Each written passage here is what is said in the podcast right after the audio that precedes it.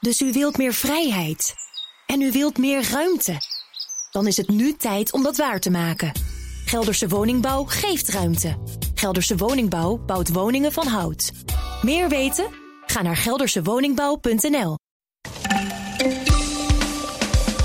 Air France KLM verwacht pas in 2024 weer herstel. En het afgelopen jaar maakte het bedrijf ruim 7 miljard verlies.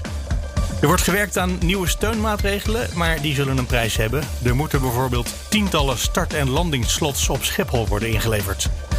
Buiten het concern lijkt iedereen Ahold te zien als een winnaar in tijden van corona. Zelf denken ze daar heel anders over. En op de beurs zien ze dat ook niet zo. Ondanks recordomzetten ging er gisteren een flink deel van de koers af. En vandaag zet die trend door. En als je uit het buitenland een cheque krijgt, dan heb je een probleem. Want in Nederland is de laatste bank gestopt ze te accepteren. Dit is Nieuwsroom, de dagelijkse podcast van het Financiële Dagblad en BNR Nieuwsradio. Met het nieuws verteld door de journalisten zelf. Ik ben Mark Beekhuis en het is vandaag donderdag 18 februari. Hallo, Pieter Kouwenberg van het FD. Goedemorgen, Mark. Jij zal vanmorgen ook eh, de cijfers van eh, Air France KLM gezien hebben. Ja. Dat gaat niet goed, hè? Nee, nou ja, het, het, lastige is natuurlijk, het is niet verrassend, maar het doet altijd wel enorm pijn als je een bedrijf zo diep in de rode cijfers ziet. Uh, dat het echt miljarden verlies is. En uh, het pijnlijke is natuurlijk, ze kunnen er zelf niet zoveel aan doen. Uh, nee. Omdat, ja, het is um, um, opgelegd beleid van overheden, waardoor wij het vliegtuig niet meer pakken. Dus ik denk dat dat het, het grote frustrerende is van iedereen die bij KLM werkt. Van je wil wel, en het gaat echt dramatisch slecht. Um, ja, 7,1 miljard in het rood, hè? En ja, dat is Air France KLM samen, hè? niet alleen dat is Air France KLM samen, zeker. Ja, de hoop is uh, erop gevestigd dat dat vaccineren uh, wat sneller gaat dan tot dusver, waardoor, uh, waardoor ze de, de, de, de normale vluchtbewegingen kunnen hervatten. En ik denk dat het goede nieuws is, dat hebben we alle twee met het, uh, met het schaatsen vorige week gezien. We smachten er allemaal naar om weer naar buiten te kunnen. En ik denk dat als we allemaal gevaccineerd zijn, dat we heel graag uh, weer naar Spanje vliegen of Italië vliegen of weet ik waarheen. Maar dat ja. het zomaar eens kan zijn dat er een enorme boost komt. Dat we gaan inhalen. Dat we gaan inhalen. Ja, ja oh, dat is fijn dat je dit zegt. Want gisteren had ik Joris Polman in de podcast. En die zei: Ja, er zijn ook deskundigen. Dat ging over restaurants. Die zeggen: Nou, waarschijnlijk gaan we veel minder uit eten. Want dat hebben we het afgelopen jaar ook niet gedaan. Uh, toen dacht ik: Nou, ik ken weinig mensen die niet ergens even op een terrasje willen zitten of uit eten. Uh, nou, maar het, het, het, misschien is dat ook een andere wereld. De nuance is natuurlijk wel dat ik in het bedrijfsleven hoor dat zeg maar het, het voor een business flight even op en neer naar New York gaan of even op en neer naar ja. Londen.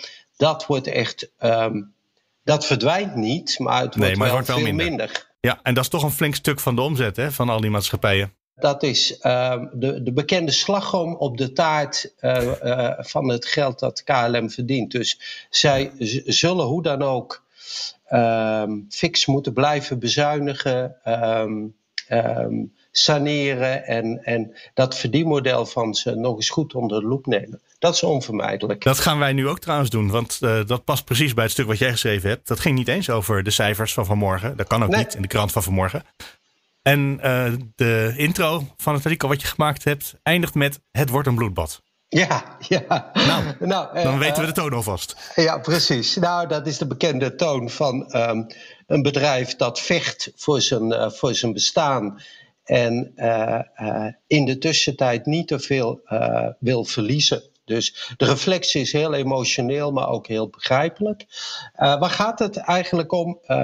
Jij weet dat um, Air France KLM bij de eerste, zeg maar, golf van uh, het COVID-virus, dat ze toen uh, steun hebben gekregen van de Franse en Nederlandse overheid. Dat was toen een leningenpakket. 7 miljard van de Fransen, ruim 3 miljard van de Nederlanders. En dat was een leningenpakket wat ze terug moeten betalen. Ja. En waar ze het nu over hebben, is ehm, een kapitaalversterking. Met andere woorden, ehm, ehm, eh, het versterken van het aandelenkapitaal. ja, Frans KLM heeft een uh, fix negatieve eigen vermogen. Dus dat moet uh, gestut worden. En dat doe je door aandelen uit te geven. En wie zijn de twee grote aandeelhouders? Dat zijn Frankrijk en Nederland. Het vervelende daarvan is alleen dat op het moment dat jij, zeg maar, in aandelen participeert in een bedrijf, dat je dan uh, bij Brussel langs moet, omdat Brussel dan gaat kijken of je niet aan concurrentievervalsing doet. Is het staatssteun? ja. Precies, is het staatssteun, exact. En Brussel heeft daar, zoals ze zelf zeggen, uh, begin van het afgelopen jaar een mooi raamwerk voor gemaakt. En dat raamwerk is heel eenduidig en heel helder. En die zeggen: als je kapitaalsteun geeft van meer dan 250 miljoen, dan moet je bij ons even langs om toestemming te vragen. En zeker bij partijen die een hele dominante positie hebben in, uh, op verschillende luchthavens, dan moet je daar een prijs voor betalen. En wat is die prijs? Dat je zeg maar slots, slots zijn de tijdvakken waarin je kunt landen eh, en opstijgen, dat je er daar een aantal van afstaat. Dus dan gaan van we de hand doet. KLM gaan we heel erg steunen, of KLM Air, Frans KLM. En in ruil daarvoor mogen ze minder vliegen. Precies. Of tenminste vanaf Schiphol mogen ze dan minder vliegen. Ja, in het geval van de Franse uh, uh, Orly en de Gaulle. En uh, in het geval van KLM gaat het om Schiphol. En het, het pijnlijke is, uh, dit is wat Europa van je vraagt. Van, uh, je moet dan slots inleveren. Hoeveel slots? Ja, dat is een kwestie van loven en bieden, onderhandelen. Maar voor eh, KLM zijn de druiven heel zuur, omdat um, Schiphol heeft twee kenmerken die Schiphol uniek maakt. Eén, het is een ongelooflijk gewilde hub, zoals dat heet Overstapplek. Ja. Overstapplek, verbindingsschakel. Uh, waar elke lucht, uh, luchtvaartmaatschappij um, met ambitie een plekje wil hebben. En zeker een aantal prijsvechters, Ryanair, EasyJet zit er al, Ryanair niet. En een aantal um, uh, grote luchtvaartmaatschappijen uit het Midden-Oosten en het Verre Oosten. Um, dat is dus een, een, een, die slots zijn zeer gewild. Het tweede is, um, dat, er een, um, dat de groei van Schiphol is gemaximaliseerd. Hij is uh, afgetopt, eigenlijk is hij vrijwel stabiel. Dat maakt die slots nog geweldig. En dat maakt dat ze bij KLM zeggen: dit wordt een bloedbad, omdat ze moeten hoe dan ook slots inleveren. Maar ze weten, als we nu slots inleveren, dan zijn we ze ook echt kwijt. Ja. Want één, die gaan dan naar een concurrent die ons op onze thuishaven gaan aanvallen. En twee, omdat Schiphol bijna niet meer uh, zal groeien, kunnen ze het op een andere manier niet inlopen. Dus vandaar de enorme pijn. KLM kan dit wel of niet accepteren, maar de consequentie daarvan is dat ze wel of niet steun krijgen. Dus eigenlijk, Precies. er valt niet zoveel te kiezen. Dat is eigenlijk de belangrijkste reden waarom het zo lang duurt. Want eigenlijk was het de bedoeling dat, dat eind van vorig jaar er al duidelijkheid zou zijn over die emissie. In januari hebben ze het nog geprobeerd, want ze wilden eigenlijk voor de cijfers die vandaag gepresenteerd zijn, de markt duidelijkheid geven over KLM. Dat, dat schept rust op de markt. Uh, uh, dat zou heel fijn zijn. Waarom is dat nog niet gelukt? Nou, de belangrijkste oorzaak is, ze zijn nog steeds aan het onderhandelen met, met Brussel over het aantal slots dat ze moeten inleveren. Heb jij een aantal waar het over gaat? Ja, ja. Het leuke is, uh, onze minister van Financiën heeft het, het referentiepunt gegeven. Die heeft in de Tweede Kamer laatst verteld van jongens, kijk maar naar Lufthansa. Die hebben staatssteun gehad, dus aandelen. En uh, die hebben daar wat voor moeten inleveren. Dat is het referentiepunt. Nou, um, uh, Lufthansa heeft 48 slots vliegbewegingen moeten inleveren. Per 24 dag. In per dag. 48 per dag, 24 in uh, uh, luchthaven München en 24 in de luchthaven Frankfurt. Dus dat is zeg maar het uitgangspunt voor Air France KLM. Dan zou het gaan om 24 vluchtbewegingen per dag op Schiphol en 24 op Orly en de Gaulle. En ja, de kunst van ehm, de ambitie zal van de onderhandelaars ongetwijfeld zijn om te proberen ehm, dat aantal naar beneden te krijgen. Ja, allicht. Uh, maar goed, dat moet Brussel dus goed vinden. Wat dat betreft, uh, Nederland kan natuurlijk heel nationalistisch en Frankrijk heel nationalistisch onze nationale trots ondersteunen. Maar ja, wat vindt Brussel? Ja, en dan kan ik je nog aan toevoegen. Ik heb ook de onderhandelingen van ING met Brussel gevolgd in 2009. Weet je nog, toen ING twee keer staatssteun kreeg. mijn ervaring is dat um, Brussel prettig rechtlijnig is. Er valt niet zoveel te halen. Dus ik ben heel benieuwd. Nou, dan komen we gewoon uit op die 48. Of nou ja, misschien dat dat nog een beetje gecompenseerd wordt voor de omvang van de maatschappij of de omvang van Schiphol. Precies. Maar veel rek zit daar meestal niet in. De, de ambtenaren zijn uh, uh, redelijk rechtlijnig in hun denken. Ja, wat dat betreft, dat bloedbad is dan wel weer voorspelbaar en overzichtelijk, als je het zo beschrijft. Ja, ja, nou, ja. dat is ook wat waard. dat vind ik ook. Bij KLM is dat heel vervelend, maar voor, gewoon, voor de wereld als geheel is het fijn, die rechtlijnigheid. KLM weet een aantal dingen. Eén, ze weten dat ze die kapitaalsteun nodig hebben. Twee, ze weten dat Brussel een raamwerk heeft um, uh, gemaakt uh, wat ze moeten doen. Uh, nou ja, daar, probeer je dan nog een beetje aan, te, aan te sjorren maar slot zullen ze moeten inleveren. Zou het kunnen zijn, eh, als ik even mijn complottheorie pet opzet, zou het kunnen zijn dat ze nu slots inleveren, maar dat dan wel een soort afspraak is dat Schiphol toch mag groeien. En dat ze die slots wel weer terugkrijgen, linksom of rechtsom. dat, dat, dat, ik zou zeggen, dat ligt aan de nieuwe uh, coalitie. Ja, dat is waar. Als daar straks de Partij voor de Dieren en GroenLinks uh, belangrijk gaan worden, Precies. dan gaat dat niet gebeuren. Ja, ja, ja, ja. En, en la, laat ik zeggen, de, de, de, de tijdgeest is niet uh, op de hand van de, de Schipholgroeiers. Dat is waar. Dus ik, ik, ik denk niet dat het. Uh, dat maar aan de andere kant, bij de VVD, en dat is toch een redelijk belangrijke partij op het ogenblik. En met de peilingen wordt het die misschien nog veel belangrijker. Ja. Die vinden de groei van Schiphol vanzelfsprekend. Dus het zou zomaar iets kunnen nou zijn ja, wat gaat uh, gebeuren. De, de, de huidige coalitie heeft steeds gezegd: Schiphol is een sleutel voor de economie. Ja.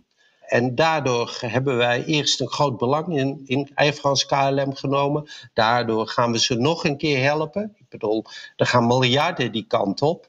Dus je, je zou zomaar gelijk kunnen hebben. Ja, Mark, ja precies. Dat, we uh, hebben nog een belang ook zelf als land inmiddels. Om ja. het weer uh, recht te trekken. Ja, precies. Nou. Dus dat zou zomaar uh, het wisselgeld kunnen zijn. Pieter Kouwenberg, dankjewel. Mark, tot de volgende keer. Hallo, Lisa van der Velde van het Financieel Dagblad. Hoi. Een van de redacteuren die zich bezighoudt met de retail, de supermarktketen Ahold in dit geval. Die, uh, nou, het, daar, daar horen we steeds van, daar gaat het heel goed mee. En dat is ook zo, hè?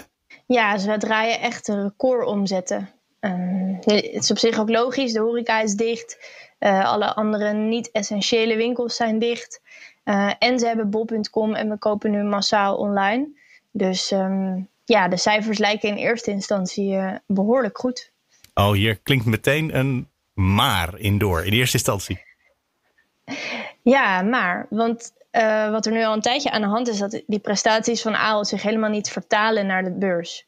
Dus de koers van Ahold die, die is al, blijft al een jaar vlak. Terwijl zij toch een van de corona-winnaars zijn. En dat is uh, opvallend. Ja. Komt dat door? Ja, het heeft met meerdere dingen te maken. Um, het, er is sowieso um, na de cijfers bleek wel dat de vooruitzichten voor 2021 die Ahold heeft gepubliceerd behoorlijk pessimistisch zijn vergeleken met wat analisten verwachten. Uh, Ahold zegt dan ook, uh, ja, het is gewoon een heel onzeker jaar en we, we kunnen daar gewoon niet van uitgaan dat de voorspelde krimp ook ons gaat raken. Want we verkopen nu eenmaal boodschappen. En boodschappen verkoop je aan mensen. En als die mensen geen baan meer hebben, dan voelen wij dat ook. Gaan we naar de Aldi, want die is um, goedkoper. Ja. Ja, dus dat, dat is er aan de hand. En daarom hebben we ook, dus ondanks die goede cijfers, beleggers gisteren het aandeel nou, behoorlijk lager gezet. En wat er op langere termijn al aan de hand is, is dat ja, de koers van Ahold heel erg hoort bij een supermarktbedrijf. Maar wat bol.com doet, is eigenlijk ja, tech, is wat Amazon doet. En overal in de wereld pieken die aandelen enorm. Worden heel hoog gewaardeerd. Maar Bol is eigenlijk een beetje verstopt in de resultaten van Ahold. Dus het komt niet tot uiting op de beurs. Jij vertelt het nu, dus als jij het weet, dan weten de beleggers dat toch ook dat het eigenlijk ook voor een flink stuk een techbedrijf is. Ja, dat, eh, dat zou je zeggen, maar zo is het niet. En analisten en beleggers willen ook eigenlijk heel graag dat er iets aan wordt gedaan. Dat bijvoorbeeld de winst van Bol wordt gepubliceerd, want dat gebeurt nu niet. Dat het als apart, bedrijfsonderdeel uh, wordt gerapporteerd. En er werd zelfs wel ook wel over een beursgang van Bol nou, heel veel gespeculeerd. Maar Aalt is dat uh, vooralsnog niet van plan. Oké, dus uh, ze houden dat groeibriljantje, wat het zou moeten zijn, houden ze toch een beetje gewoon binnen, ja, heet dat, onder de pet en laten ze niet zien wat daar gebeurt. Wat raar. Nee, klopt. Ja. Nou ja, we hebben een jaar geleden ook wel mensen hierover gesproken, ingewijden zoals dat dan heette. En die zeiden, Ahold wil Amazon niet wijzer maken. Dat was nog net voor de komst van Amazon naar Nederland. En een beetje verstopt houden wat ze, wat ze hebben. En misschien ook wel geen gezichtsverlies leiden. Dus anders kan je heel goed het Amazon-effect op de winst van Bol zien. Ja. Uh, en dat is uh, natuurlijk ook gevoelig. Uh, dus uiteindelijk heeft Ahold ervoor gekozen om dat niet te doen. En um, blijft het zoals het is. Maar in ieder geval op de beurs wordt dat wel een beetje afgestraft. Ja, en jij zei net al een ander woord. Je zei het woord coronawinnaar. Mijn indruk is dat ze bij Ahold en zeker bij Albert Heijn het helemaal niet leuk vinden dat je dat woord gebruikt. Dat, zo voelen ze het helemaal niet. Nee, zo voelen zij het echt niet. Um, zij zeggen ook letterlijk, uh, Frans Muller, de CEO, uh, coronacrisis kent heel weinig winnaars. En wij moeten ook heel veel kosten uitgeven om, aan spatschermen en aan beveiliging. Ja, dat klopt. Bij het hek staat nu, als je binnenkomt, iemand te controleren of je wel een karretje meeneemt, inderdaad. Dat is extra ja, personeel. Ja. Nou, dat is dus wel duur als je al die kosten bij elkaar optelt. Ja. Um, en zij zeggen dus van nou, wij gaan de klap misschien nog wel later voelen. Um, dus ze vinden dat niet, uh, niet leuk als je ze zo noemt. Nee, en misschien ook, want de omzetten, daar zei je aan het begin al, zijn recordomzetten. Maar de winst, daar gaat het natuurlijk uiteindelijk om. Gaat het eigenlijk goed mee? Ja, nou, nee, die is gedaald. En dat is toch wel opvallend als je kijkt naar die uitgangspositie die Ahold heeft. Met winkels die overal open mogen blijven. Um, ja, de winst is van 1,8 naar 1,4 miljard gedaald. En dat heeft deels te maken met uh, ja, voorzieningen die zijn uh, genomen om de pensioenpotten aan te vullen. En dus uh, die kosten voor de sportschermen, et cetera. maar er zijn toch ook wel vermoedens dat het heeft te maken met de verschuiving naar online omzet. Zoals misschien sommige mensen wel weten, is het gewoon, maak je veel meer winst met een fysieke supermarkt dan met een online supermarkt. Dat bezorgen is hartstikke duur. Het is goedkoper als mensen het zelf in je winkel komen ophalen. Um, dus het is nog best wel moeilijk om dat winstgevend te maken. En hoe meer mensen hun boodschappen en hun spulletjes online gaan kopen, hoe, ja, hoe lager de marges. En um, Ahold zegt ook, ja, we hebben best wel hard in de kosten moeten snijden om toch uh, die hoge omzet uh, te krijgen. Ja, terwijl ik heb wel de indruk dat ze graag willen dat ik het online bij ze bestel en dat ze het dan komen bezorgen. Uh, zo benaderen ze mij als ja. klant in ieder geval wel. Ja, zeker. Ja, het is natuurlijk ook best wel een strijd. Hè? Wie wint de online consument? Picnic zit er hard in, de broer van Frans. En um, iedereen wil, wil, op dit moment die klanten voor zich winnen. En daarom uh, rekenen ze ook uh, vaak weinig bezorgkosten nog. Terwijl ze dat eigenlijk wel zouden moeten doen voor een gezond verdienmodel. Misschien komt dat later nog als de strijd een beetje is gaan liggen. Dat ze dan zich dat ja, kunnen dan, voorlopen. Uh, ieder jaar een eurotje omhoog. nou, niet elk jaar hoor. dan, dan, wordt het ineens wel heel erg duur. Meestal loop ik er trouwens zelf heen, nu het zo zegt. Um, ja, nou dat, dat hebben ze het liefst hoor, uiteindelijk. En we, we, hebben het nu weer, uh, zoals het heel vaak gaat met Ahold, over eigenlijk stiekem over Albert Heijn vooral. En een beetje over Bol.com gehad. Dan hebben we het heel erg ja. over Nederland. Maar is het buitenland ja. ook niet heel groot? Amerika, telt dat hier nog ergens mee op de een of andere manier? Of uh, Ahold Delhaize heet het tegenwoordig. Dus telt België nog mee? Ja, we, moeten, moeten eigenlijk Ahold zeggen. ja, zeker. Kijk, Ahold is voor, voor 60% een Amerikaans bedrijf eigenlijk. 60% van de omzet komt daar vandaan. En dat heeft daar best wel wat supermarktketens en is ook hard groeiende.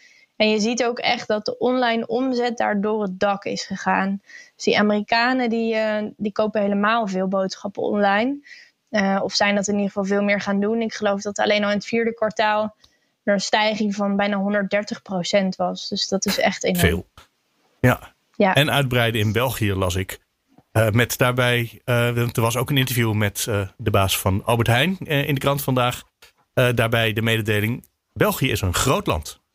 En dat is grappig, want dat hoor je zelden. Enorm is het. ja. Nou ja, weet je wat het wel is? Albert Heijn heeft vanwege zijn marktmacht in Nederland ook weer niet zoveel ruimte meer om hier uit te breiden. Dus dan zijn andere landen gewoon interessanter. Het was best wel opvallend dat ze Deen hebben overgenomen deze week, een andere supermarktketen. Um, en dat komt volgens mij puur omdat in het noorden van Noord-Holland, dus een beetje West-Friesland, die regionen, daar zitten gewoon heel erg weinig jumbo's en uh, Albert Heijn. Uh, iedereen koopt daar best wel lokaal. En dus is dat een terrein waar nog wat te winnen viel en waar Albert Heijn waarschijnlijk ook nog wel mag uh, binnenmarcheren. Ja. Maar verder zitten ze al behoorlijk dominant aanwezig. En het is ook wel grappig, want Albert Heijn komt uit Zaandam. Maar er zitten volgens mij meer Albert Heijns in Amsterdam dan het hele gebied boven het Noordzeekanaal. Dus het is helemaal niet zo Noord-Hollands als uh, we dachten. Maar goed, met de koop van Deen uh, misschien weer wel een beetje. En op zich spannend trouwens dat ze zo midden in een crisis een hele keten aan uh, winkels overnemen. Ja, nou, daar komt zaterdag een heel verhaal over in het FD van Yours Truly onder andere. Um, over, over die enorme consolidatieslag die er gaande is in de supermarktwereld. Het zijn een heleboel ja, wat meer, wat kleinere ketens die zitten met opvolgingsproblemen, zijn van die familiebedrijven. En zij moeten allemaal nu een beetje de keuze gaan maken. Wat gaan we met e-commerce doen? Het is gewoon super duur om die uitgaven te doen, um, om dat op, op te zetten. Gaan we dat zelf doen of verkopen we de boel? En meestal gaat het dan ofwel naar eh, de mannen uit Veghel, dus Jumbo, of, uh, of naar Zaandam, ja. uh, Albert Heijn. En uh, zo wordt eigenlijk alles langzaam geel en blauw.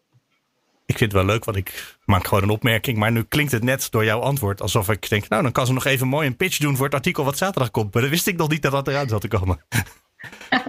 nee, dat ging heel natuurlijk zo, hè? Lisa van der Velde, dankjewel. Jo. Hallo, Dave Kraaienbrink van BNR Nieuwsradio. Goedemorgen, Mark. We gaan het hebben over het innen van buitenlandse checks. Ja, in Nederland wordt volgens mij helemaal geen checks meer geschreven. Hè? Als, je bij, als je geld aan iemand wil geven. Ik, ik, ik zie het als ik in Frankrijk ben. Dat is alweer heel lang geleden. Maar dan zie je vroeger. Super, vroeger. Dan zie je nog wel eens uh, uh, mensen bij een supermarkt met een cheque afrekenen. Dat, dat, nou, dat, dat, dat zie je in Nederland nooit meer eigenlijk. Nou, je het zegt. Ik hoorde pas iemand uh, pleiten voor de herinvoering van checks in Nederland. Oh. Voor het geval er een enorme pinstoring is. En inderdaad, die hebben we een paar keer zo af en toe. Ja, en dan ja. weten ze in die winkel eigenlijk of, nou, of ze stoppen de winkel.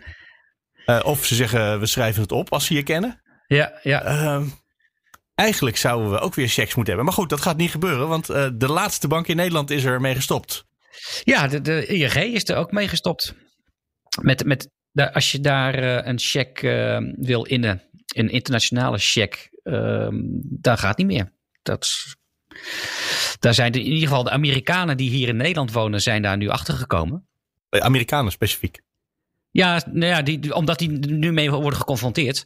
Uh, want die krijgen van Uncle Sam een, een uh, coronasteun. Um, een cheque ter waarde van, het was eerst uh, uit mijn hoofd 600 dollar. En uh, daar komt nog een keer een ronde aan. Maar die check kunnen ze niet in Nederland innen. Want, want de banken die zeggen van dat doen we niet meer. En nu ook ja, als laatste bank inderdaad ook deze maand ING die ermee is gestopt. En moeten ze dan naar Amerika? Nou, dat kan helemaal nog niet op het ogenblik. Maar goed, dan heb je in het komende jaar of zo dat je niet naar Amerika mag, heb je dat papiertje altijd gewoon nog in de la liggen. Ja. Wat je zou kunnen bewaren. Wat je zou kunnen bewaren. Dan moet je het vliegtuig pakken om daar uh, die, die, uh, dat geld te gaan, uh, gaan ja. innen. Een beetje opslachtig. Dan is het ongeveer dat streepje tegen elkaar weg. Ja. ja dan kan je gratis een keer naar Amerika. Ja, oké, dat is waar. Um, kijk, de, de, Nederlandse banken zeggen... Um, je kunt gewoon je IBAN-nummer opgeven bij de Amerikaanse Belastingdienst, de IRS.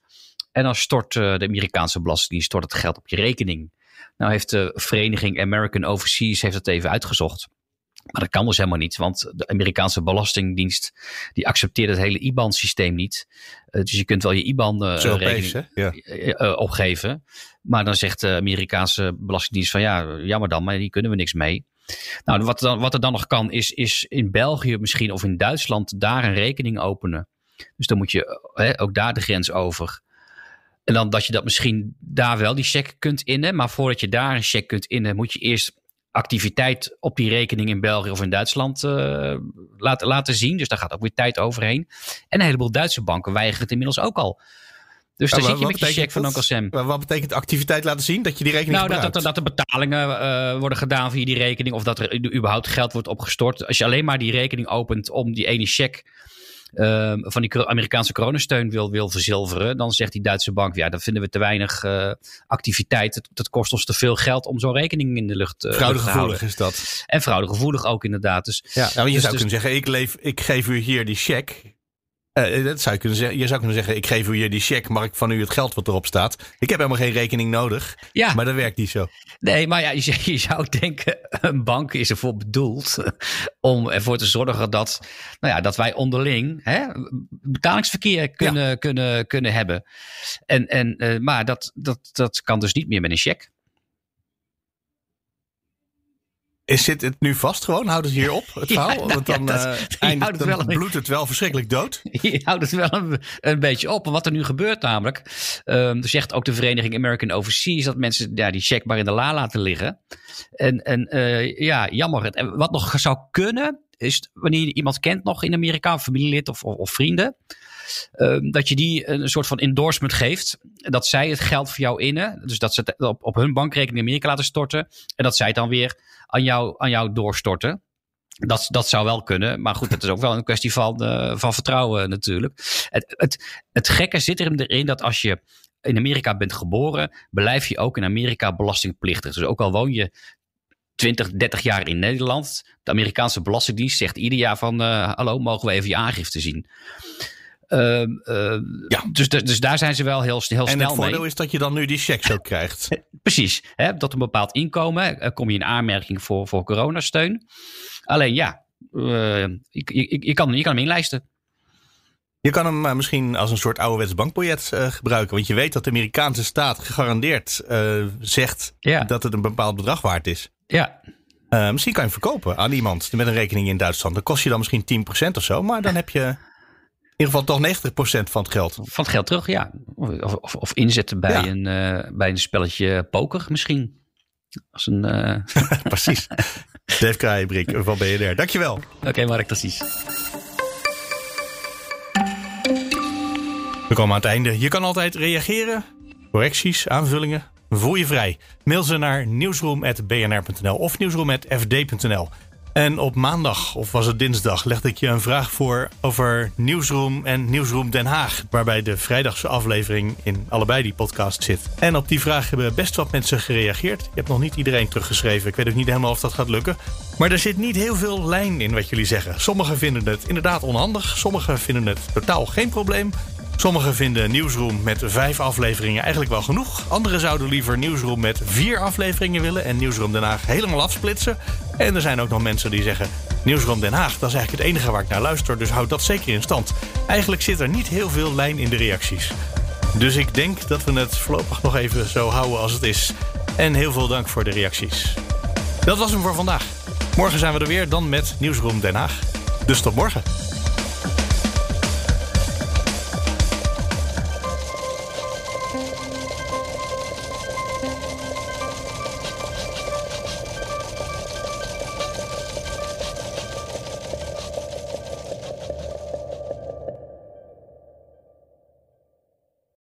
Dus u wilt meer vrijheid. En u wilt meer ruimte. Dan is het nu tijd om dat waar te maken. Gelderse Woningbouw geeft ruimte. Gelderse Woningbouw bouwt woningen van hout. Meer weten? Ga naar geldersewoningbouw.nl.